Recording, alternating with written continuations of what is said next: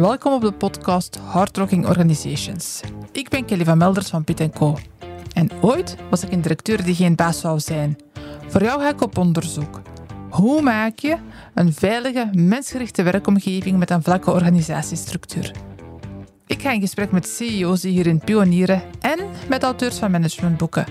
Oh ja, ik neem deze podcast op in de Pietplek. Dat is mijn eigen podcaststudio. Een fancy, gerenoveerde oldtimer caravan. Nu ja, het is en blijft een caravan. Dus soms hoor je misschien wel een vogeltje fluiten of een auto passeren. Dat kan gebeuren. Veel luisterplezier. Welkom op de podcast Hardworking Organizations. Vandaag mag ik Tom Meijers verwelkomen. Het is te zeggen, feitelijk verwelkomt hij mij. Want uh, meestal gaat de podcastopname door mij de caravan in de pitplek. Maar vandaag zijn er bij ons thuis verbouwingen en een drillbor op de achtergrond is er niet aan te raden. Dus ik ben bij Tom vandaag in zijn osteopathiepraktijk in Brussel. Um, hoe ken ik eigenlijk Tom Meijers? Um, ik, heb, ik heb hem een paar weken geleden leren kennen op een netwerkevent van PSA Belgium, een netwerk van uh, professionele sprekers. En omdat Tom een boek heeft geschreven, um, gaf hij daar ook een keynote. En ik ging aan zijn lippen. Tom heeft een, een, een, boek geschreven, The Future Effects. Um, daar gaan we zelfs ook wel meer over praten.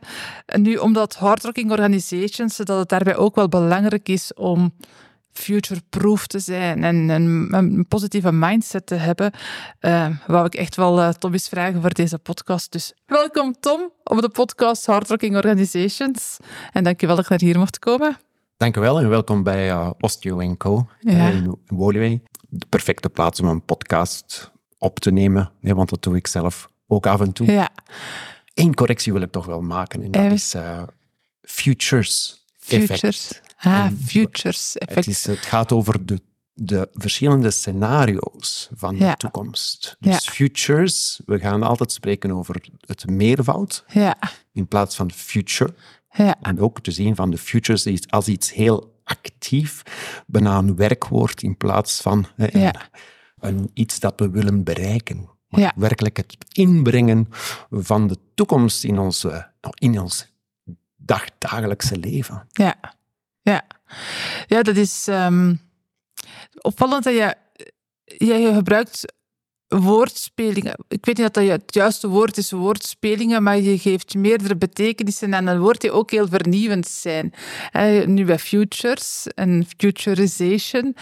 Um, ja, er inderdaad werkwoorden van maken. Maar in mijn boek viel ook op dat je zo your en our zo ja, moet je misschien even uitleggen wat het daar ja. in dat boek precies... Dus het boek is geschreven in het Engels. Ja. Uh, stemt eigenlijk van het feit dat ik uh, in, tussen mijn 20 en 28 in Engeland gewoond heb, teruggekomen ben naar België en eigenlijk Engels als mijn voertaal heb beginnen gaan te gebruiken.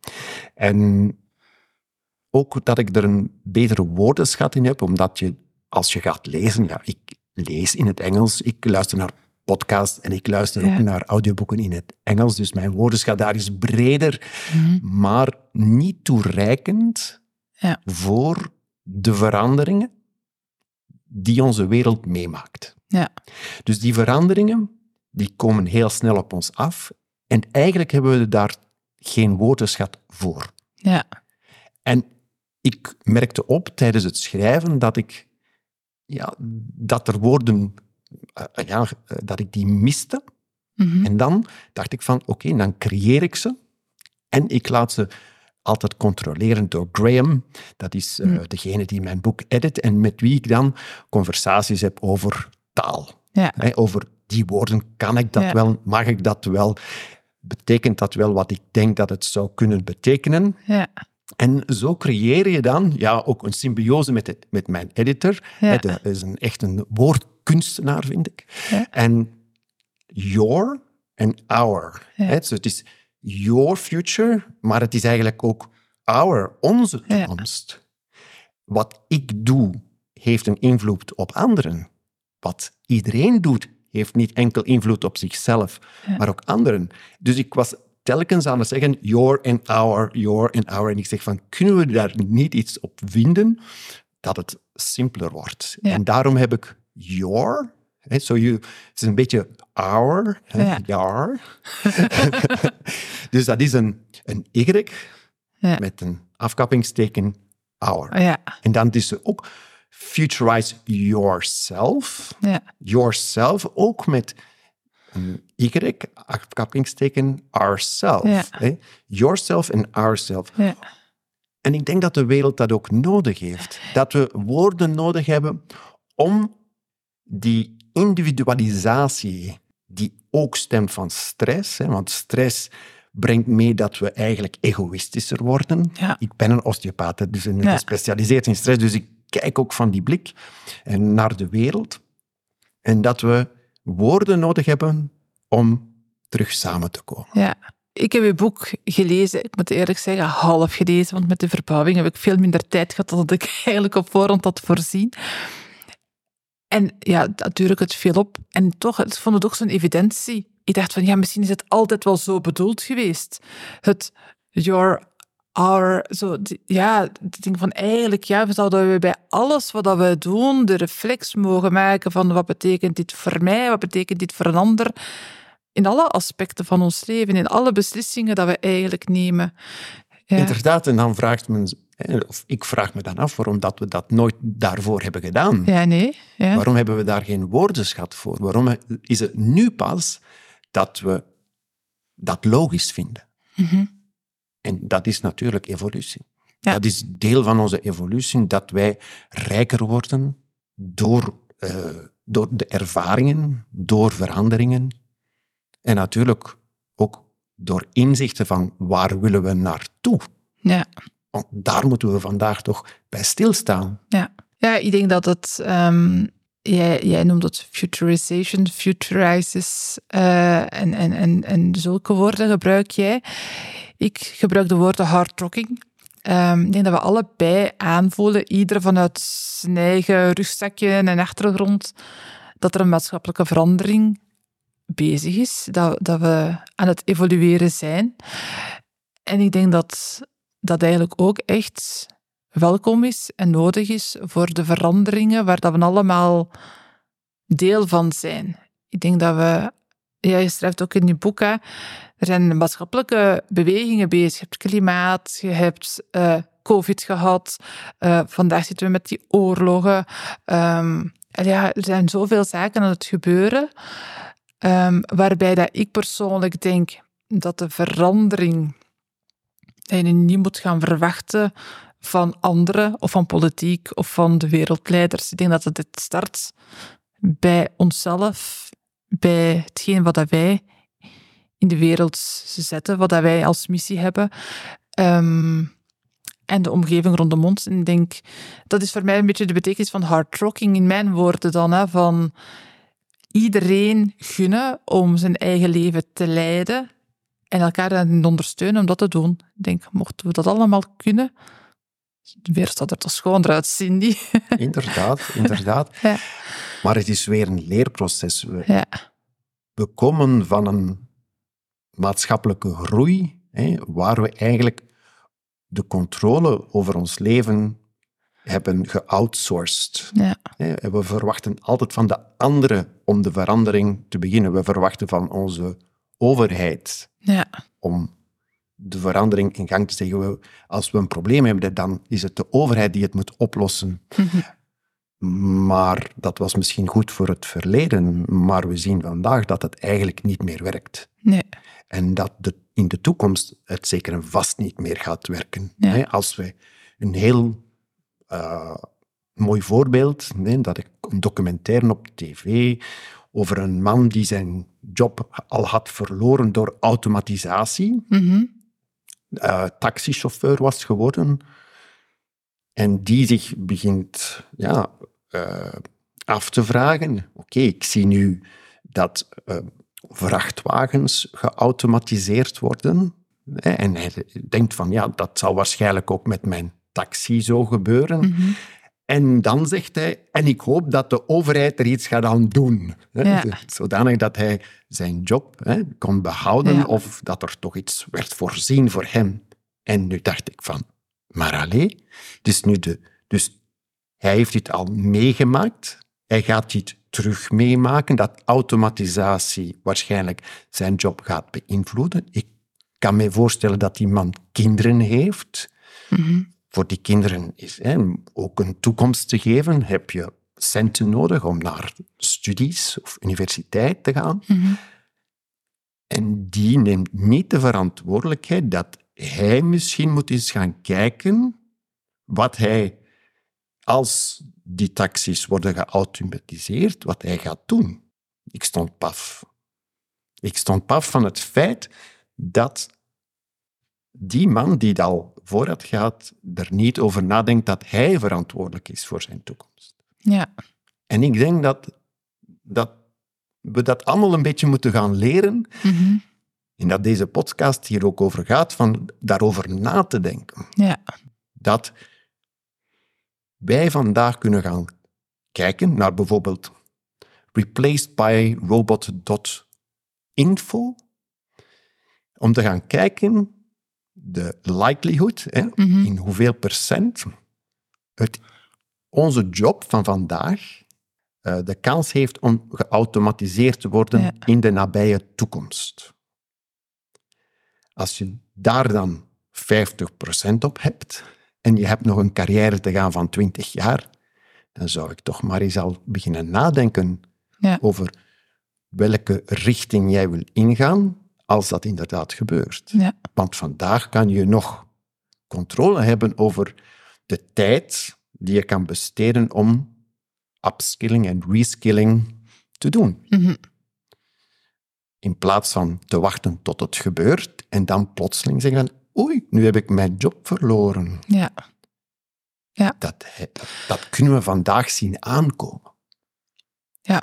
Wellicht zijn er nog andere zaken dat we vandaag eigenlijk zouden zien kunnen aankomen en waar wij ons op kunnen, kunnen aanpassen.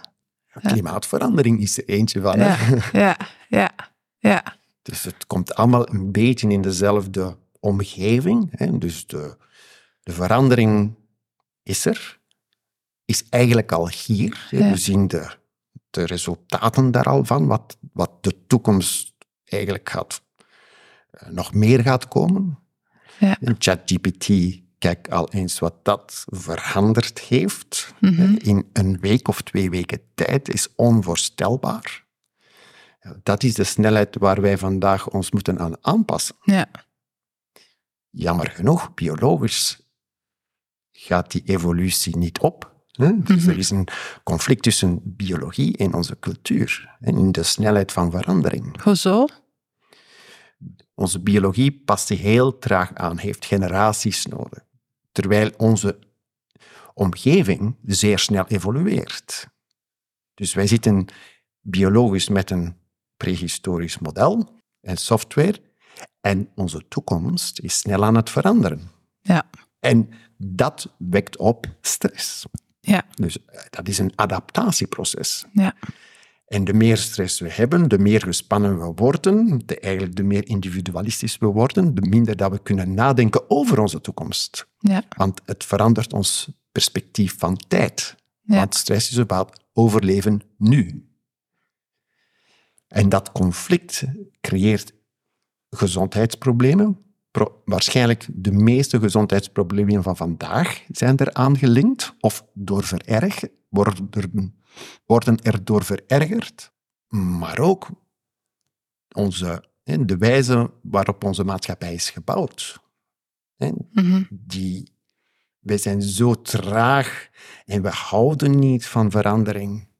Ja. De toekomst is soms heel angstig, dus we gaan daar niet naar, naartoe kijken. En we blijven in, hè, in die zwarte doos eigenlijk zitten waar we moeten uitkomen. Nee, we moeten naar buiten komen. Ja, En die, die toekomst gaan omarmen. Maar daarvoor hebben we wat nodig. Ook weten wat de toekomst inhoudt. Of toch al een inzicht hebben van de verschillende scenario's van de toekomst. Futures literacy noemen ze dat. Mhm. hè, om daar futures literate te worden. Dat vraagt, ja, dat vraagt van ons eh, doen. Hè. ja, Dit is iets dat, we, dat niet naar ons toe komt. En dat is ook waar dat die biologie, waar wij wachten te veel. Hè. Biologie Ja. is iets automatisch, stressrespons is automatisch. Maar daar tegenover hangt iets dat we moeten doen. Uw vertering is automatisch, maar we moeten eten. Adaptatie is eigenlijk automatisch, maar te traag, dus moeten we dat gaan compenseren met iets dat gedaan wordt. Ja. Ik ben even aan het denken aan de mensen die dan meestal naar de podcast luisteren. En dat zijn mensen die uh, vaak ze de bazen die geen baas willen zijn, die luisteren. Dus zijn mensen die verantwoordelijk zijn voor een organisatie of voor een team. Ze hebben vaak een leidinggevende functie. Dat zijn zo de typische luisteraars van de podcast. Dus ik ga een aantal vragen stellen um, die daar zo naar hen gericht zijn. Als ik u hoor vertellen, dan denk ik dat voor hen dat eigenlijk op twee niveaus gaat. Je hebt een stukje hunzelf als persoon. Um, en daar heb ik een aantal vragen over.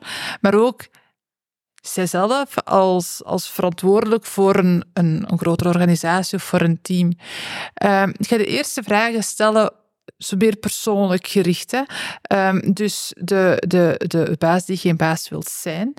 Als persoon dan, wat zijn zo de tips die jij kan geven aan hen? Dus als persoon ja. is, vooral te zorgen hè, dat hun gezondheid top blijft. Ja. Hè? Want om alle verantwoordelijkheden onder controle te hebben, mm -hmm. hè, moet je lijf in orde zijn. Ja. Moet je ook zoveel mogelijk zorgen dat je tijd neemt om voor jezelf te zorgen, om te ontspannen. Ja. Ontspannen is iets dat je moet doen. Dat komt eigenlijk niet natuurlijk naar jou toe. Nee. Dat kan natuurlijk versneld worden door bepaalde oefeningen, door ademhalingsoefeningen in, te, in te bouwen in je dagdagelijkse leven.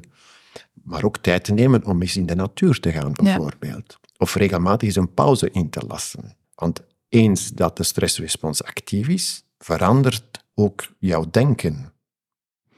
Ja, daar kan ik uit meepraten. Hè. Ehm, ik was natuurlijk vroeger zelf ook een baas die geen baas zou zijn, die dat op een gegeven moment zo bezig was met die organisatie, met privé ook, met kleine kinderen, zo bezig, bezig, bezig, bezig, dat ik zoveel stress had, maar niet meer besefte dat ik stress had. In, maar ik heb wel dan die fase gekend dat dat zo exponentieel was, dat ik niet meer helder dacht. En op het moment zelf had ik het niet door. Maar er waren wel mensen die zeiden tegen mij, Kelly, je bent schim van jezelf. Op dat moment had ik zoiets van, ja, zal wel zijn. Ik heb daar toch geen tijd voor. Maar het is heel frappant om achteraf gezien dan te merken van hoe, uh, hoe eng dat uw visie was, hoe, hoe anders dat, dat je bent als je zo diep in de stress zit. Dus ik begrijp helemaal wat je zegt. Ja, en dat is een, dus de stressrespons creëert een verandering in de vascularisatie van jouw brein. En mhm. natuurlijk, waar wilt en waar wil je glucose, en de energie hebben? Ja, in het overlevingsdeel. Dat is wat die het gaat reclameren. Hè. Dat is van, ik wil energie hebben, want ik moet hier overleven. Ja, waar gaat het dat halen? Ja, op andere delen die niet levensnoodzakelijk zijn. Dat gebeurt in het lijf zo, dat gebeurt in de hersenen ook zo. Dus het is een primordiaal belang dus dat de, de manager, of die, mhm. hè, die, die zichzelf ook een voorbeeld moet zijn voor mhm. zijn team. En dan is het natuurlijk ook van, ja, maar mijn team moet dit ook. Hè? Mijn team die mij ondersteunt en waar wij allemaal op één gelijk niveau willen zijn, ja, die moeten ook ergens dat hun stress de baas kunnen. Ja. ja en, en de stress de baas kunnen betekent niet van minder werken, want daar is geen daar is geen tijd voor. Hè. Het is wel van hoe gaan we het werk organiseren, wat kunnen we inbrengen, zodanig dat elke persoon zich ook in zijn element kan voelen en de tijd geeft om dat te kunnen verwerken. En dat bouwt dan wat, wat of dat sluit aan bij de, de, de andere vraag dat ik dan had, van wat kan die dan doen als um, leidinggevende of als verantwoordelijke van een, uh, van een organisatie of team. En jij zegt daar inderdaad al van, proberen ervoor te zorgen, niet proberen, ervoor te zorgen dat um, stressmanagement uh, voor, voor iedereen uh, binnen het team een topic is en waar, dat, waar dat mensen in een element kunnen zijn. Um, maar zijn er, zijn er nog zaken dat die kan doen? Ja, natuurlijk. En dus er moet gewerkt worden op verschillende niveaus. Ja. Ik, denk ook dat waar gaat het bedrijf naartoe? Wat zijn die toekomstgedachten? Hè? Ja. Die moeten gedeeld worden, hè? Ja. die moeten mee besproken worden. Want het is, dat is dan de business futures literacy. Ja. We moeten weten waar we naartoe werken. Ja. Er is ook een deel uh, dat we misschien moeten veranderen van niet meer de job centraal, maar de, het potentieel van de persoon centraal. Ja. Uh, job is eng als woord. Mm -hmm. Potentieel of skill is veel breder, ruimer, veel ja. ruimer. En kan ook op verschillende manieren uitgedrukt worden. Dus vandaag doen we die skill zo. Ik ben een therapeut, osteopaat. Maar in de toekomst kan het zijn dat, of één, osteopathie is niet meer nodig, of ik kan het niet meer doen. Dat zijn dan mm -hmm. twee scenario's. Als ik het niet meer kan doen, hoe kan ik mijn potentieel als therapeut verder zetten? Ja. Bijvoorbeeld als 80-jarige en ik zit in een care home of een, mm -hmm. een zorgcentrum, kan ik nog altijd luisteren ja. naar de verplegers, verpleegsters, naar mijn uh, fellow residents. Ja. Dus luisteren is ook therapie. Ja. Dus ik kan het, mijn therapie of therapeut zijn, dat is mijn potentieel. Ik kan dat op verschillende manieren uitdrukken. Ja. En ik moet mij aanpassen. Maar job zelf is niet, is minder aanpasbaar, zullen we het zo zeggen. Ja. Dus ik denk dat we ook vanuit het bedrijf meer en meer moeten gaan investeren naar de ontdekking van het potentieel van de werknemers. Ja. Van het potentieel. Ik vind, het, ik vind dat je dat mooi verwoordt. En ik vind dat ook... Ja, ik, ik voel het ook. Dat inderdaad, dat geeft het een, een veel ruimer um, beeld. Of, of het beeld is een slecht woord. Veel meer mogelijkheden hè, om, om aan te werken.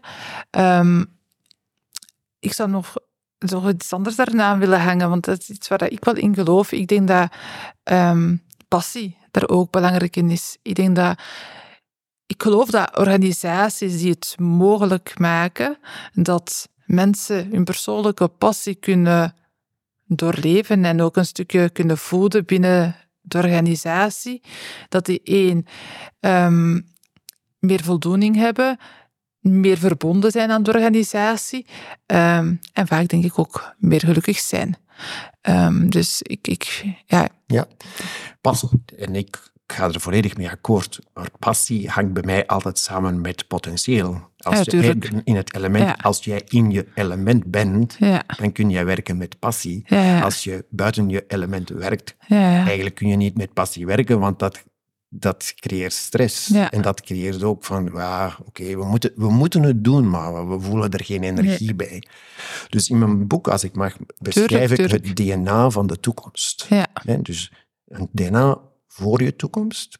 En DNA staat voor does not alter. Dat wat niet verandert. En potentieel komt daarin voor. Ja. Je potentieel, daar word je met geboren. Dat heeft kenmerken. En het is eigenlijk van, we moeten die kenmerken gaan leren ontdekken. Ja. En van daaruit onze toekomst, niet enkel van ons werk, of van van onze activiteiten, van onze ideeën, uh, van ons hele leven, vanuit daaruit van beginnen gaan te ja. werken, van vorm te geven, zodanig dat we het kunnen invullen. Ja. En DNA, het is inderdaad die helix met drie delen. Hè. Ik zeg altijd, het potentieel, dat zijn de treden, hè, waardoor we de twee andere delen kunnen waarmaken. Eén deel is, hoe wil je je voelen? Mm -hmm. In mijn praktijk vraag ik dat af en toe aan mijn patiënten. Hoe wil je je voelen? En meestal krijg ik een blank gezicht terug. Ja. Mensen hebben er nog niet over aangedacht. En als het eerste wat ze gaan antwoorden is wat ze niet willen voelen. En ik zeg, nee, nee, ik vraag wat, wil, hoe wil je je voelen? In het Engels zeg ik voor mezelf, I want to feel content, fulfilled and healthy. Ja. Dat is het minimum waar ik naartoe streef. En wil hebben. En dan het andere deel, dus die andere strand, die streng van het DNA, is aspiraties. Wat wil je van het leven? En ik heb dat dan uh, voor mezelf in een acroniem geplaatst. GREAT. I mhm. want to have a great future. En dat is dan IE Life. En dat is good, resilient, evolvable, actionable en transcendent. Dus dat betekent een goed leven, aanpasbaarheid. Ik wil als mens groeien. Ik wil dingen doen die mogelijk zijn in mijn potentieel. Dat mhm. betekent niet dat ik geen dromen mag hebben, maar wel in mijn potentieel. wat ik vandaag doe, dat was een droom 23 jaar geleden. Ja ik had een charcuteriezaak. Ja, ja, ja. ja maar daar zullen we toch niet over praten. Want... Ja, daar, daar, hebben we uren voor nodig om dat verhaal nog te vertellen. Maar ik kom van een hele andere achtergrond. Op 29 had ik een charcuteriezaak in Mechelen. Ja. Ja, en ik kom vanuit de horeca. Vandaar ben ik een osteopaat die internationaal lesgeeft en van alles. Um, en over toekomstgericht denken, filosofeert, dat is iets dat bij mij die eerste 30 jaar niet in mij opkwam. Maar, hè, dus evolueren is als mens groeien in zijn potentieel. Ja. Actie, hè, dus dat mogelijkheden, die zelfs zijn het dingen die ver buiten wat men denkt wat men kan, maar wel in zijn potentieel is. En transcendence, meaning, purpose en voor de volgende generaties. Ja.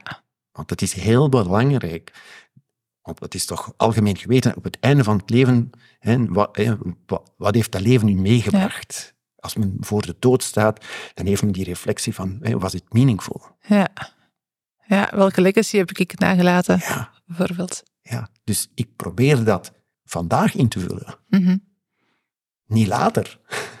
Nee, nee, nee, ja. En dat mijn DNA dus maakt die twee strands. How do you want to feel? What are your aspirations? En hoe maak je dat waar? Is het door het, jouw potentieel te ontwikkelen. Potentieel is dat wat je in je hebt, dat je over tijd kan ontwikkelen. Ja. Wel, ik ben blij dat je in de podcast bent. Hè. ja, ik denk dat dat eigenlijk ook echt wel waar ik aan het zoeken ben. Hè. Ik, ik, ik, ik sta nog maar aan het begin van mijn journey. Uh, ik, ik ben nog maar vier jaar uh, zelfstandige en het is pas ook maar het laatste jaar dat ik ja, mijn, mijn hard mission echt wel omarm en daar ook dingen in aan het doen ben. En ja, we gaan wel zien uh, wat dat de toekomst da daarin ook brengt. Um, niet helemaal, want ik heb natuurlijk wel een idee hè, waar we naar aan toe aan het werken zijn. Ik wou het net zeggen. Ja, ja. Nee, nee, niet keeseracer. Nee, ja, nee, nee, moet een richting nee, nee, hebben. Nee, helemaal, helemaal niet. Um, ja, maar ja, ik denk dat dat ook in, in organisaties um, heel, heel mooi kan zijn. En ik zoek eigenlijk ook weer een ander woord voor mooi. Ik denk dat het heel belangrijk is dat we manieren zoeken um, om iedere persoon die in de organisatie actief is, ja, mee te ondersteunen. En ik zie dat echt als een, als een co-creatieve wisselwerking, want ik geloof niet in hiërarchie. Um, ja, om te gaan zoeken hoe, dat, hoe dat we ervoor kunnen zorgen dat we iets betekenen op het pad dat we aan het gaan zijn voor elkaar. Eh, zodat mensen inderdaad volgens die purpose kunnen gaan werken, um, daaraan kunnen bouwen. Ik zal het zo anders misschien zeggen. Ja, en, en, en vooral, hè, dus we waren over stress bezig en hoe kunnen we dat ha ja. hanteren.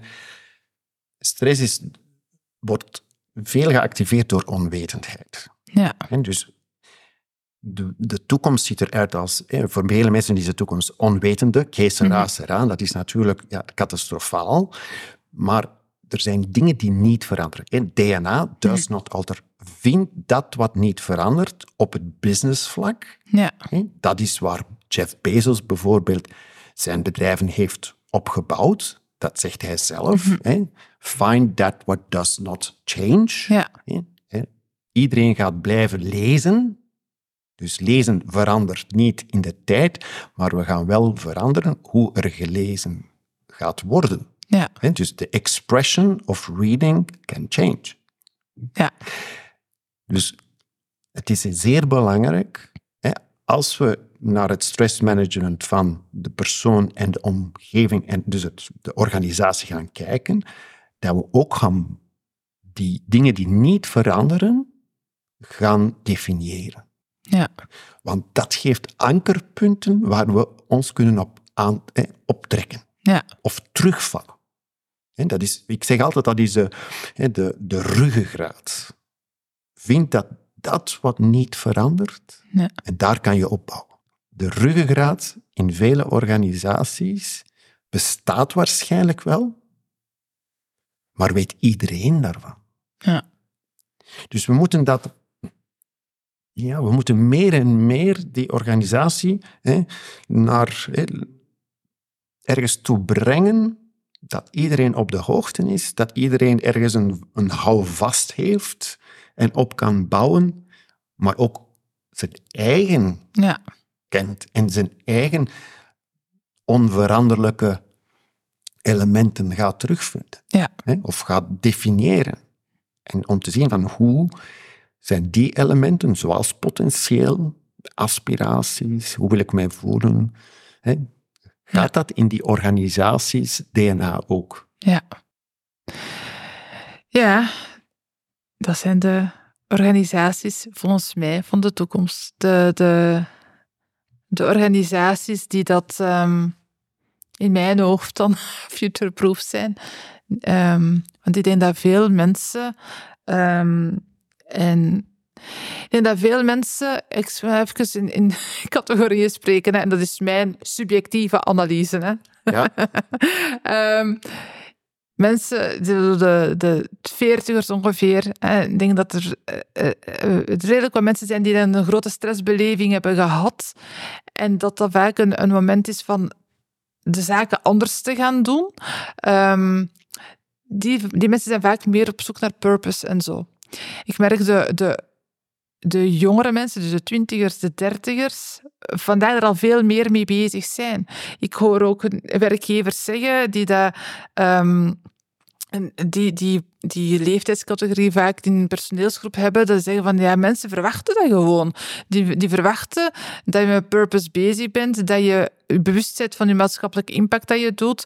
Die, die, die verwachten dat je als bedrijf gaat kijken, oké, wat ga ik doen om zaken te gaan compenseren? Dus mensen verwachten dat gewoon.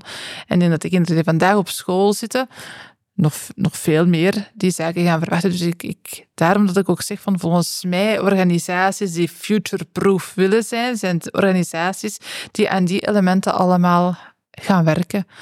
Um, en het is ook nodig om te overleven. Denk, ja. ja we, we kunnen vandaag we kunnen in de toekomst niet blijven doen wat we altijd al gedaan hebben, want nee. dat werkt niet. Nee. Dan is het game over. Ja. Dus we moeten toekomstgericht gaan denken, maar ook transgenerationeel gaan denken. Ja. Om, ja, in een bedrijf is, zijn vele generaties aanwezig. Ja. Ja, maar het is een, van belang dat we dat gaan doen. Ik, ik heb nog een paar vraagjes waar ik benieuwd naar ben. Allee, nog één grote vraag waar ik benieuwd naar ben. En dan ga ik zo mijn, mijn afrondende vraagjes stellen die ik eigenlijk aan iedereen uh, stel. Maar waar ik nog benieuwd naar ben, is van waar jouw interesse in dat thema? Uh, het is ja, door mijn eigen levenswandel. Ja. Dus ik heb het geluk gehad om een levenscrisis te hebben op 29. Ja. En naar de juiste personen, of de juiste persoon ontmoet te hebben, Ja. naar gestuurd geworden eigenlijk. Ja. En die persoon heeft mij drie dingen geleerd. Dat is mijn verleden in een ander perspectief te plaatsen, Mhm. mijn potentieel te vinden en dat potentieel een toekomst te geven. Ja. En de laatste 23 jaar, wat heb ik gedaan, is dat potentieel geactiveerd en die toekomst waargemaakt.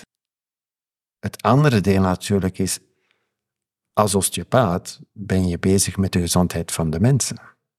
En wie krijg ik op de vloer? Het zijn mensen die, hè, waarvan die gezondheid ergens afgeweken is. Ja. En, dan ma- en ik ben dan bezorgd, omdat ik dan zie van de meeste van die problematieken zijn gelinkt aan verandering. Stress die door verandering is teweeggebracht. En wat zie ik dan in de toekomst? Ik zie meer verandering, dus meer stress. En als we daar niet gaan mee bezig zijn, ja, dan dat is, gaat er meer ziekte en gaat eigenlijk de evolutie van de mens achteruit. En ik denk dat mijn doelstelling is om mensen hè, te helpen in the long run to flourish and thrive. Hè. Dus to flourish in the flow of evolution and thrive in a fast-changing world. Dus als gezondheidswerker is dat mijn job gewoon en mijn passie Ja. om daarover ideeën te ontwikkelen. Of ik heb daar inspiratie over, want ik zie het in mijn werk, ik zie het hoe het met mij gaat en ik deel dat gewoon. En alles wat ik vandaag doe is gewoon omdat ik hè, het potentieel ook heb om te communiceren, om te schrijven, Ja. om les te geven. Dus ik doe gewoon dat wat ik van mijn kind af eigenlijk al heb, maar Ja. niet wist. Ja. hè. En ook, ik zie mezelf als een cel in een lichaam. Elke cel heeft zijn functie.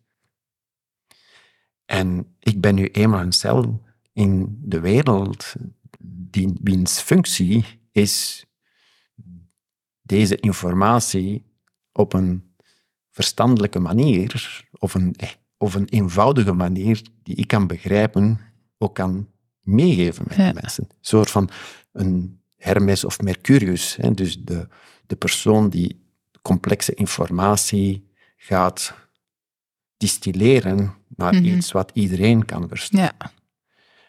Dat is zo'n filter. Ik ben zo'n soort van filter van die informatie Ja. door mijn ervaring, door mijn interesse, door mijn potentieel. En om zo de mensheid mee te helpen evolueren. En ik zie dat heel groots. Ik mag het ook groot zien. Tuurlijk. hè, Omdat ik geef les in India, binnenkort misschien in Brazilië en Dubai, dus, of, en in Zuid-Afrika. Ik heb contacten met Nieuw-Zeeland. Dus het is wereldwijd waar ik naartoe ga. Ja. Dus voor mij is dat 8 biljoen mensen. Die ik eigenlijk onrechtstreeks wil bereiken. En het is een initiatie. Ja? Dus het initiëren van iets. Mhm. Ik initieer een, een informatie naar jou toe, door deze podcast naar de luisteraar. Hopelijk brengt dat dan een beweging mee van oh, een inzicht waarvoor, waarop gesprekken worden gevoerd. Ja. In mijn praktijk is dat juist hetzelfde. Ik behandel één persoon, maar die gaat naar huis en die functioneert op een andere manier. Ja. Die praat op een andere manier, die denkt op een andere manier. Dus dat heeft invloed op de familie. Dat heeft invloed op het werk dat zij leveren, op de telefoon die zij gaan doen naar een ander land, naar een collega.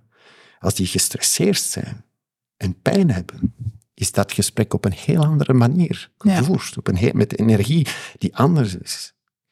En kunnen we die pijn vrijmaken, ontspannen, dat die gedachten weer allemaal, hè, dat die kans krijgt om ook te ontwikkelen, dus de prefrontale cortex Mhm. weer actief is, ja, dat gesprek is op een heel andere manier. Ja, dus die zo. persoon in het andere deel van, van de wereld krijgt een informatie op een manier die dan weer anderen gaat beïnvloeden. Ja. En dat is het rimpeleffect, hè?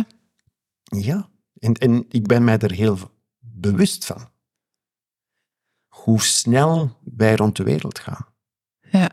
En COVID heeft ons ook getoond hoe wij allemaal met elkaar verbonden zijn. Ja. Ja. Iemand in China die bepaald gedrag ver, vertoont, waarschijnlijk, en ik hoop het toch, en niet denken van ik ga de wereld veranderen. Maar de wereld is veranderd. Het is wel waar, ja. Dat brengt me eigenlijk bij groei door connectie. Hè? Want eigenlijk, wat je net beschrijft, dat we eigenlijk allemaal met elkaar verbonden zijn en dat we heel snel de wereld kunnen rondgaan. Het doet me een beetje denken aan wat ik als baseline gebruik, groei door connectie. Mijn bedrijf heet eigenlijk Pit Co. Groei door connectie is de baseline. Ehm, omdat ik dat ook echt van overtuigd ben. Dat in de verbinding zit de groei. Op persoonlijk niveau, in samenwerking of in contact met anderen, maar ook als organisatie en samenleving. Um, daarom heb ik het initiatief genomen om de podcast altijd te eindigen met drie dezelfde vragen voor de gasten. Um, en mijn eerste vraag is: um, je, weet dat ik met hardrocking organizations bezig ben. Je weet dat de mensen die dat luisteren vaak bazen zijn die geen baas willen zijn. Is er zo nog zo één laatste cruciale tip dat je wilt geven aan, aan die persoon? In hier, mind your body before your body reminds you. dat is een mooie. Dat is echt voor op een tegeltje te hangen. ja, ja, ja. Ja, oké, ik ben niet osteopaat voor niets. Hè. Nee. Het is heel belangrijk. Het lichaam is het voertuig van alle dromen. Het is het voertuig van de organisatie. Van de organisatie. Dus het lichaam moet het doen. Ja, het lichaam het doen. De gedachten hè, worden geproduceerd in het lichaam. De, de, de creativiteit in het lichaam. Maar natuurlijk, de toestand van het lichaam gaat ook bepalen de toestand van de... Dus eigenlijk de output van de creativiteit. Ja. Dus het is belangrijk, mind your body before your body reminds ja. you. Zeg, en wat noem je dan een body, wat noem je dan een lichaam? Het fysieke, mechanische lichaam? Of ja, ja, heb je dan ook over spirituele zaken en, en al die... Alles hangt natuurlijk, body, mind en spirit hangen samen met elkaar. Maar we zien ook, of er wordt te, te veel onderschat, hoeveel dat de, het lichamelijke invloed heeft, heeft op onze gedachten. Ah, ja, ja. ja we, we denken altijd dat het mind over matter is. En dat is niet waar. Dus er is ook matter over mind. Mhm. Dus als de matter het lichaam in een stressrespons is, beïnvloedt het de wijze waarop je denkt. Dat hebben we er juist al over gesproken. Ja. Als we hormonaal, dus als we in, in, dus in onbalans zijn, dan heeft dat een invloed op ons gedrag. Ja. Dat, is, dat is niet mind over matter, dat is matter over mind. Dat bedoel ik. Ja. Dus in al die aspecten uh, gezond zijn. Ja, je hebt al heel veel informatie gegeven aan de, aan de luisteraar, ook aan mij natuurlijk, dank je wel daarvoor. Groei door connectie werkt ook in de andere richting. Daarom stel ik ook altijd de vraag, en vaak is dat wel een beetje een moeilijke vraag, maar ik stel ze dan toch. Is er iets of iemand dat u vandaag zelf zou kunnen helpen in uw eigen journey? Er is altijd het is een samenwerking. Hè? Ja. Dus ik heb gelukkig, ik ben omringd door collega-osteopaten die mij ook regelmatig behandelen. Ja. En ik ga af en toe ook naar een, of een energetisch therapeut die mij kan helpen om alle zaken ook te kunnen verwerken. Ja. Maar ik denk dat het vandaag, de dag waar ik sta en als ik kijk naar de toekomst, moet ik toch al beginnen gaan te denken van oké, ik kan het niet meer allemaal alleen aan. Ja. Dus ik zal binnenkort ook moeten op zoek gaan naar iemand die mij kan ondersteunen hè, in bepaalde details die, mhm. eh, die moeten gedaan worden, die tijd vergen. En, zoals een virtual assistant of een assistant. Ja, de tijd is aangebroken. Ik had het nooit verwacht, maar ik denk dat inderdaad, eh, we hebben er voor de podcast ook over gesproken, dat het vandaag is, binnen dit en een jaar, ja. dat, het, dat ik hulp nodig, hulp nodig heb om alles te kunnen verwezenlijken wat ik wil verwezenlijken. Ja. Ik denk als je dat aanvoelt nu, is het denk ik het moment om dat te gaan doen. En um, wat ik dan ook met, met klanten dan vaak, vaak over heb, is te gaan stilstaan bij de energiegevers die je zelf hebt. En de energievreters die dat er ook zijn. En die energievreters die vooral te gaan outsourcen. Want er zijn mensen die dat net energie krijgen van uw energievreters. En dan... Uh, ja, het is, het is belangrijk van een, team rond een muur samen te stellen um, die wel complementair kan zijn uh, aan, aan, aan, de competenties die dat jij hebt. Um, dus uh, ik heb het er net gehoord. Ja, zeg maar. Ja, en, en uh, als men multipotentieel is. Ja. ja. Dus je moet iemand. Maar ja, dat betekent niet dat je al, die potentie, dat, al dat potentieel zelf kan doen. Ja. Op een gegeven moment is het juist, juist te veel. En je moet iemand vinden die mee in het verhaal stapt. Ja. Maar je hebt je bent multipotentieel. Um, maar waarschijnlijk is je zoon of genius nog net iets anders. En ik denk dat het belangrijk is, zeker mensen zoals jij, dat je vooral in die zone of genius kan blijven zitten. Um, ja, de creatie, die creatie, hè? dus het, het creatieve deel, hè? De, in, de, de, de inventiviteit, dat vraagt tijd. Ja. Dus uh, iets, iets nieuw bedenken, het is niet ik ga hier eens stilzitten en ik ga eens iets nieuws bedenken. Nee. Dat gebeurt inderdaad in een bepaalde om, omstandigheden, in een bepaalde omgeving. Dus je moet ook de tijd creëren om die omgeving te hebben. Ja. En blijven ook met patiënten te werken, bijvoorbeeld, is heel belangrijk. Dus als ik te veel administratie moet doen en minder tijd kan eh, besteden aan mijn patiënten, ja, dan verlies ik ergens ook de, die creativiteit en die, de, dat, dat, die momenten waar de genius naar boven, de genie in mij kan, naar boven kan komen. Dus daar heb je volledig gelijk in. Spijtig dat dagen maar 24 uur zijn, momenten. Ja, maar zo denk ik helemaal niet. Ik denk aan, uh, dit is het. Hè, dit is het. En we gaan ooit sterven, dus we moeten het doen in die tijd van nu tot dan. Hoe lang of hoe kort die tijd dan ook is. Hè. Dus ik ben iemand die daar heel, um, hoe zeg je dat, heel structureel mee omgaat. Nee, nee. Nee, het was ook maar een grapje eigenlijk. ja, maar ik ben, niet, dat, ik ben een vrij serieus persoon. Ah, of als er een grapje wordt gezegd, heb ik het meestal niet door. Ah, Oké, het was een grapje. Dan uh, ga ik mijn laatste vraag aan jou stellen. Um, ja, je hoort waar ik mee bezig ben, wat een man journey eigenlijk is. En denk jij nu aan een persoon waarvan je denkt van Kelly, die zou nog eens op jouw pad moeten komen? Denk je zo concreet aan iemand? Het is. Natuurlijk mag ik dan een vraag stellen van. Er zijn vele mensen waarop we kunnen aan denken, hè, maar we moeten eigenlijk weten van waar wil je naartoe, Kelly?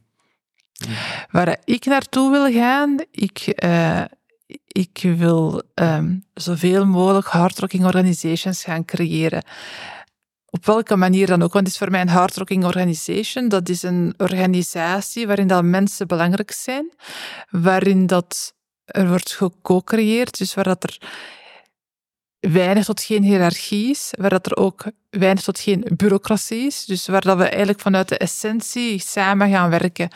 Um, en dus, dus ook zo een, um, een hardrocking leiderschapsstijl. Dus ik bedoel daarmee een, een ja, een co-creatieve, menselijke, authentieke leiderschapsstijl. Dus daar die type organisaties wil ik bouwen en help ik ook heel graag mensen, en ik noem ze dan de basis die geen baas willen zijn, om als compagnon de route mee te gaan zien van hoe kunnen we dat hier gaan doen.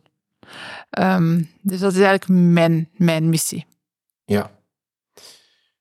En is er iets in die zaak waar je dan is het ergens waar je nog steun nodig hebt? Is er een bepaalde richting waar je zegt, want dit is een richting dat ik steun nodig heb? Want het, natuurlijk, het is een heel plethora van, van mogelijkheden. Hè, van mensen die, die ons kunnen ondersteunen en die ons inzichten kunnen geven. Jules uh, Gilliland is iemand bijvoorbeeld waar ik aan denk, die uh, Thinking with Things uh, mm -hmm. workshops organiseert en die, die door dus creativiteitsoefeningen, maar met spullen. Hè? Dus je gaat je, je verleden en je toekomst uitbeelden met, ja, met blokjes of met veders of met allerlei kleine uh, zaken die zij heeft samengesteld mm in een box. Hè? En je gaat je hele parcours hè, van het verleden naar de toekomst uitbeelden.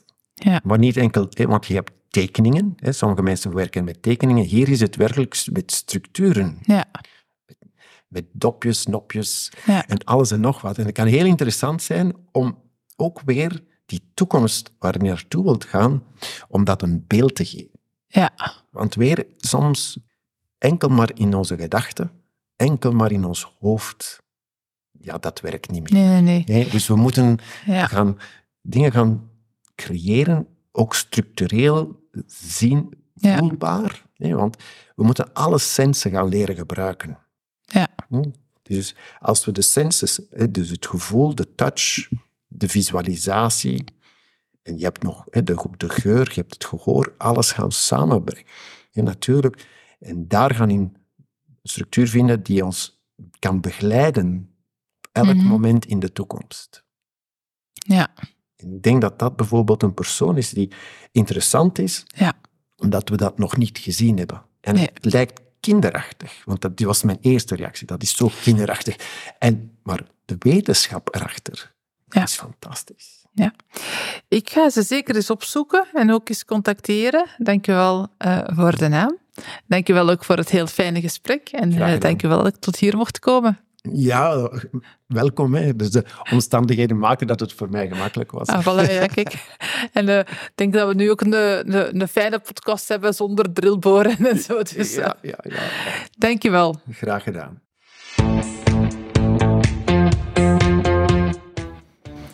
Fijn dat je luisterde naar de podcast Hard Rocking Organizations. Hoe start je daar nu concreet mee? Wel, op mijn website kan je een Hard Rocking Organizations Quickscan downloaden. Daarmee ontdek je wat je eerste stappen kunnen zijn. Mijn website is www.pitco.be, maar ik steek ook een link in de show notes. Vond je dit een inspirerende podcast? Abonneer je dan, zo mis je geen enkele aflevering. Of deel die met je netwerk, want hoe meer hardrocking organisations er ontstaan, hoe beter. Tot de volgende. Ciao.